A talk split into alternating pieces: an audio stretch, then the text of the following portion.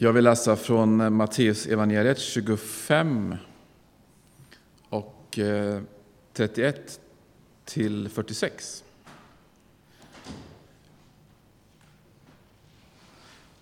När Människosonen kommer i sin härlighet tillsammans med alla sina änglar, då ska han sätta sig på härlighetens tron.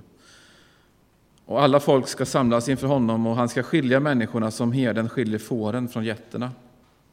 Han ska ställa fåren till höger om sig och getterna till vänster. Sedan ska kungen säga till dem som står till höger, kom, ni som har fått min faders välsignelse och överta det rike som har väntat er sedan världens skapelse. Jag var hungrig och ni gav mig att äta, jag var törstig och ni gav mig att dricka. Jag var hemlös och ni tog hand om mig, jag var naken och ni gav mig kläder, jag var sjuk och, och ni såg till mig, jag satt i fängelse och ni besökte mig.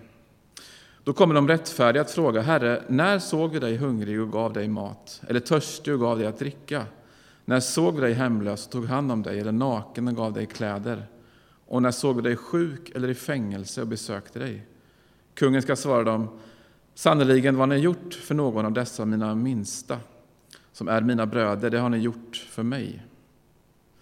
Sedan ska han säga till dem som står till vänster, gå bort från mig, ni förbannade, till den eviga eld som väntar djävulen och hans änglar. Jag var hungrig och ni gav mig inget att dricka, att äta. Jag var törstig och ni gav mig inget att dricka. Jag var hemlös och ni tog inte hand om mig. Jag var naken och ni gav mig inga kläder, sjuk och i fängelse och ni besökte mig inte. Då kommer också de att fråga, Herre, när skulle vi ha sett dig hungrig eller törstig eller hemlös, eller naken eller sjuk eller i fängelse och lämnat dig utan hjälp? Då svarade han dem, sannerligen vad ni inte har gjort för någon av dessa minsta, det har ni inte gjort, heller gjort för någon för mig. Dessa ska gå bort till evigt straff, men de rättfärdiga till evigt liv.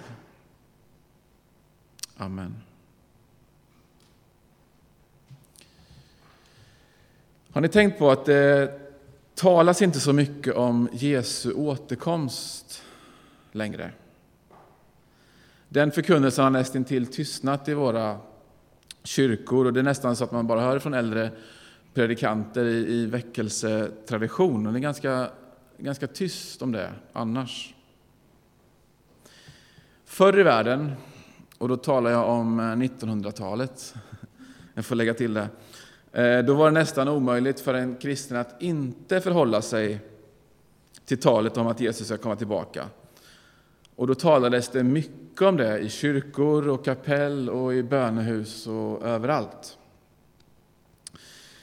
Och jag minns själv hur jag satt på tältmöte i min barndom på 1900-talet eh, och fick höra om det här och nästan drabbades av det här budskapet. Sångarna som sjöng sina sånger där framifrån podiet det luktade spån, gräs och fuktig tältduk. Jag var nog bara ett barn.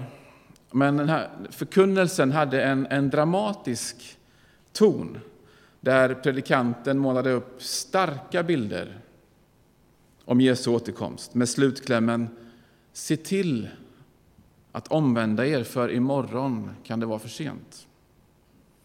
Underförstått, då kan tåget ha gått. Rullgardinen kan ha, kan ha dragits ner. Och då hände någonting i mig. Det kröp fram en förrädisk eh, känsla, som en, en rädsla i mitt hjärta. Hörde jag verkligen, hör jag verkligen till den här skaran som har sagt mitt ja till Jesus? Kommer jag få vara med på den dagen när han kommer? Tänk om jag står kvar på perrongen när tåget har gått. Alltså talet om Jesu återkomst hade liksom i min sinnevärld blivit något hotfullt. När det egentligen är tänkt att vara något hoppfullt.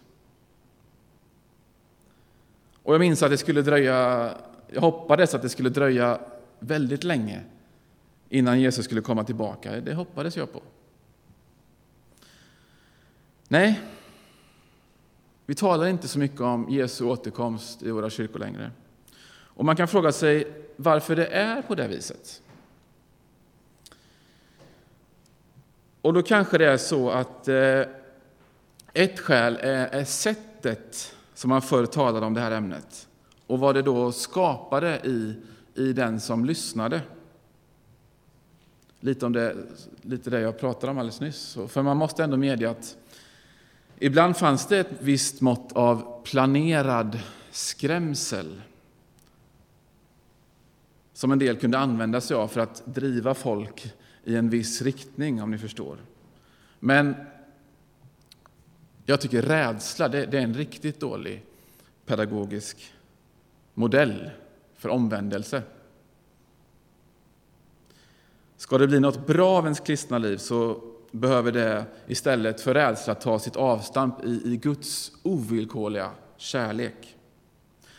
Ett annat skäl till att det inte talas så mycket om Jesu återkomst idag kan ju vara det att vi inte så gärna vill bli avbrutna med det vi håller på med här och nu. Alltså livet vi lever. Vi är egentligen ganska nöjda med våra liv som de ser ut. Vi är inte speciellt uppfyllda av det här budskapet. Vi, vi vaknar inte på, på morgonen och frågar, är det idag du ska komma, Jesus? Och tittar ut så här på skyarna, om han är där. Den frågan kanske inte ligger högst i, i våra liv. Alltså, Jesu återkomst det blir som en, en konkurrent till mitt livsprojekt. Och här står jag då idag, som är, inte som en liten pojke nu, utan som en vuxen förkunnare. Och jag skulle kunna tänka eh, att folk nog inte är särskilt intresserade av det här ämnet och därför skruva ner den här förkunnelsen lite. Jag talar inte så mycket om det. Då kan man fråga sig, är det verkligen, vore det rätt att göra så? Vore det rätt mot, mot Guds ord? Ja, om vi ska nysta i detta så måste vi börja på något sätt i, vårt, i människans kosmiska sammanhang. Hon är skapad, hon är tänkt av Gud och hon hör ihop med honom eh, och med alla människor som också är skapade av honom. Det är liksom det, det kosmiska, stora sammanhanget. Och Det kan ju vara så att man inte anser sig vara kristen eller inte ens vet svaret på den frågan om man är en kristen. Och man tänker att, att man inte relaterar till någonting annat än till mig själv och till mitt eget liv och det jag själv skapar. Alltså, det jag tänker, det jag gör har väl inget med, med Jesus Kristus att göra. Jag är väl min egen. Men det är inte det som, som Bibeln lär. Om du är kristen eller icke-kristen eller agnostiker eller vad du nu är, så är du satt i ett sammanhang. Lyssna på det här. Ett sammanhang som är större än dig själv. om, du inte, om vi inte förstår det så är, vi, så är du lite som eh, guldfisken som simmar runt i sin skål. Som står där på, på bordet i det stora huset med de många rummen. Och så i ditt inre så tänker du vattnet jag simmar i, skålens eh, omslutande glasväggar, det är allt som finns.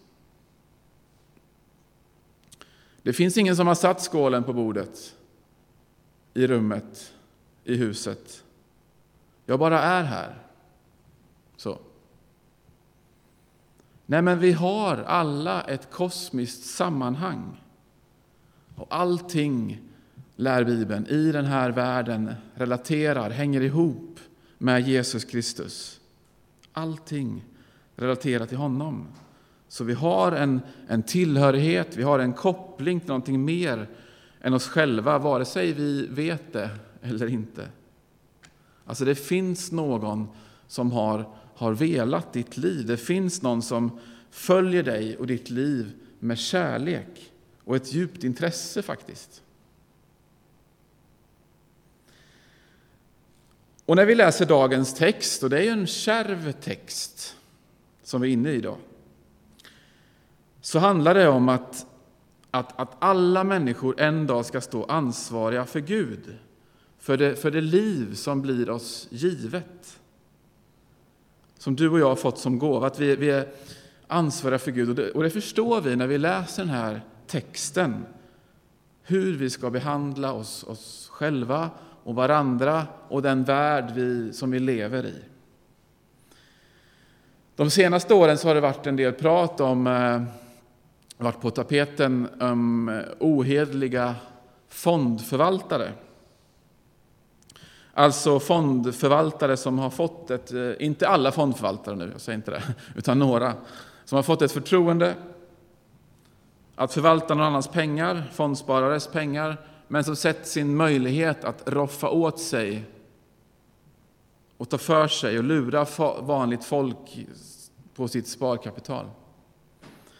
Och Finansinspektionen de, de, de granskar sådana här bolag och jobbar för att stävja detta. Men det är en rad bolag som blivit avstängda och det har till och med resulterat i, i fängelsedomar.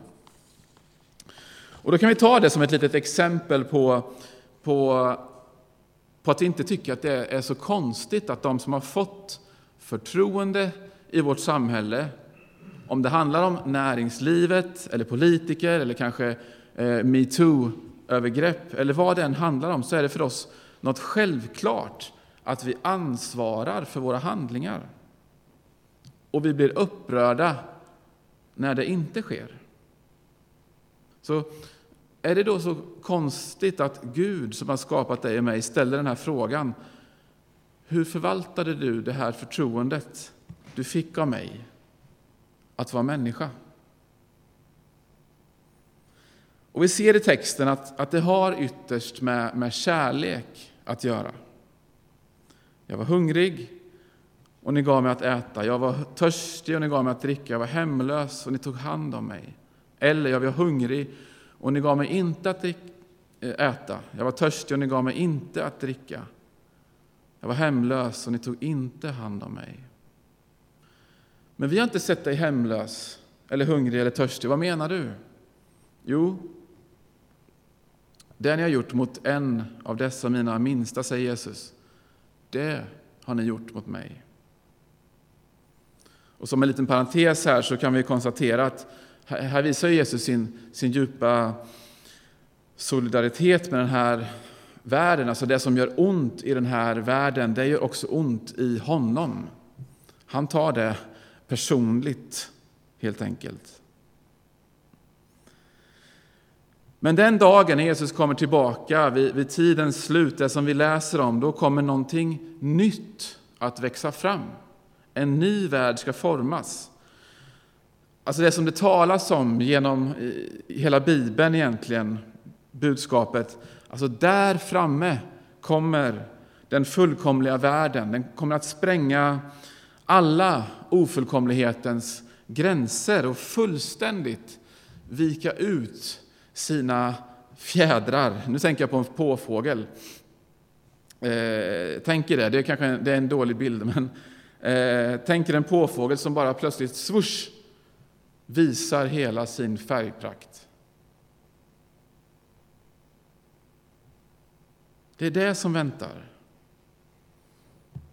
Det förstod inte den här lilla grabben på, på tältmötet att det är någonting hoppfullt som är på gång. Vi läser i andra Petrusbrevet, eh, bara ett, en vers, men 3 och 13. Men efter hans löfte väntar vi nu på nya himlar och en ny jord där rättfärdighet bor. Alltså en dag står hela mänskligheten liksom på tröskeln till den här världen. Och Guds erbjudande är generöst. Kom med, kom in i det nya, du också. Det är en öppen inbjudan, en inbjudan till varje människa. Men hallå, vänta lite nu. Är det bara så då att om jag älskar tillräckligt mycket och ger till den fattige det, det som den behöver och gör goda grejer, Är det tillräckligt för att jag ska få ta del av den här kommande härligheten? Man får ju nästan den känslan då när man läser den här texten. Får ni det? Eh, att det handlar om detta.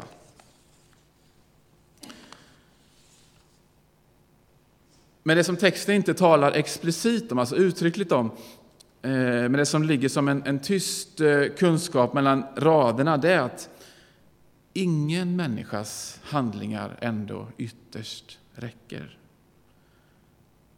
Hur vi än gör så kan våra hjärtan inte nå den rättfärdighet som vi behöver för att den dagen stiga in i det fullkomliga. Och det är ju här nåden kommer in. Jag minns när jag var, när jag var ungdom så var det en annan, en lite äldre kille som hade varit på bibelskola och kom tillbaka och, och så skulle han förklara hur det var. Så sa han så här, ja men det är bara nåd, sa han. och jag förstod inte riktigt vad han menade. Jag fattade inte det, vad, vad nåden, jag hade inte kommit dit i min andliga mognad. Men det är bara nåd, sa han. Ja, okej. Ja.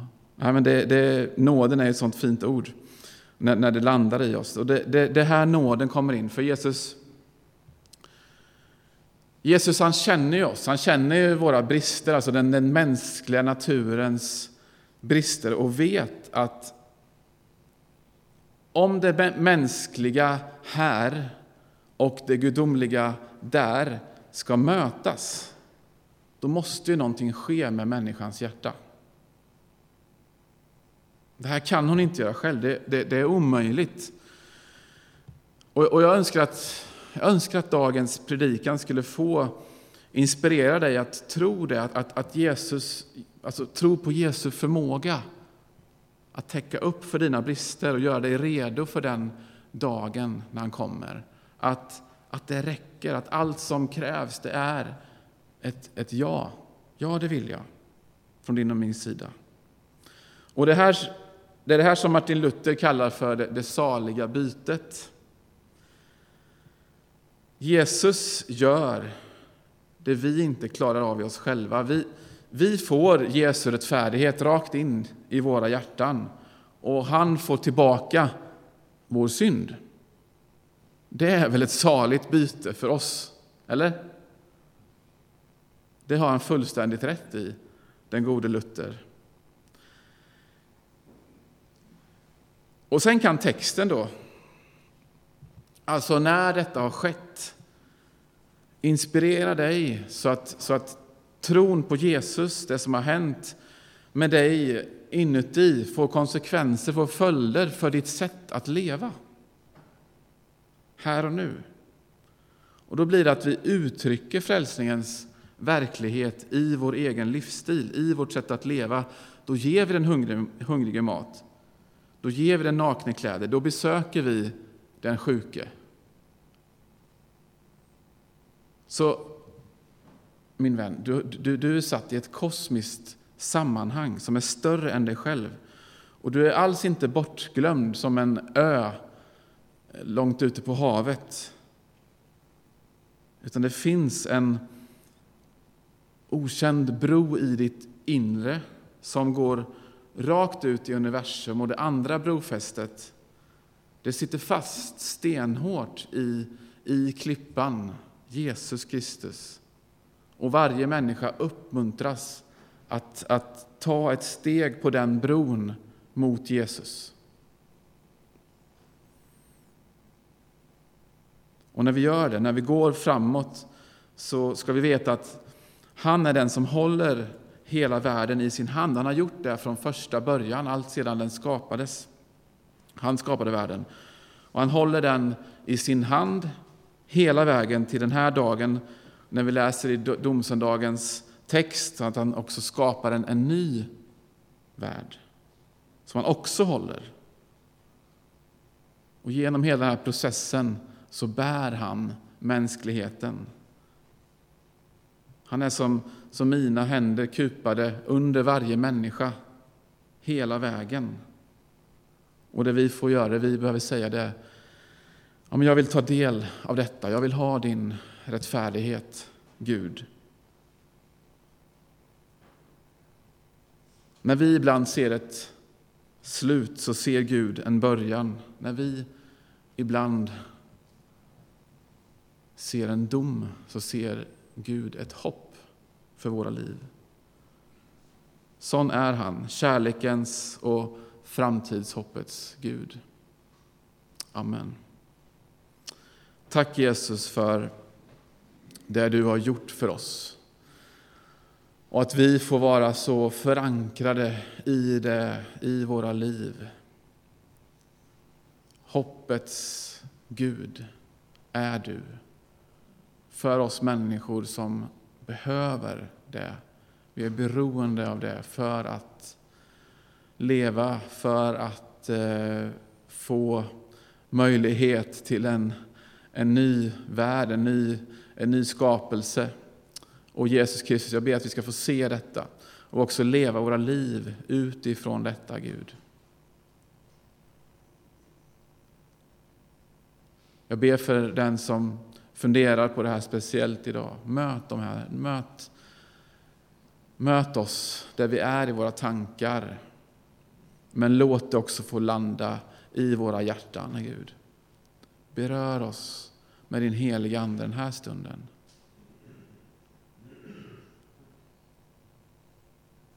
Kom och var oss nära. Hoppets Gud. Amen.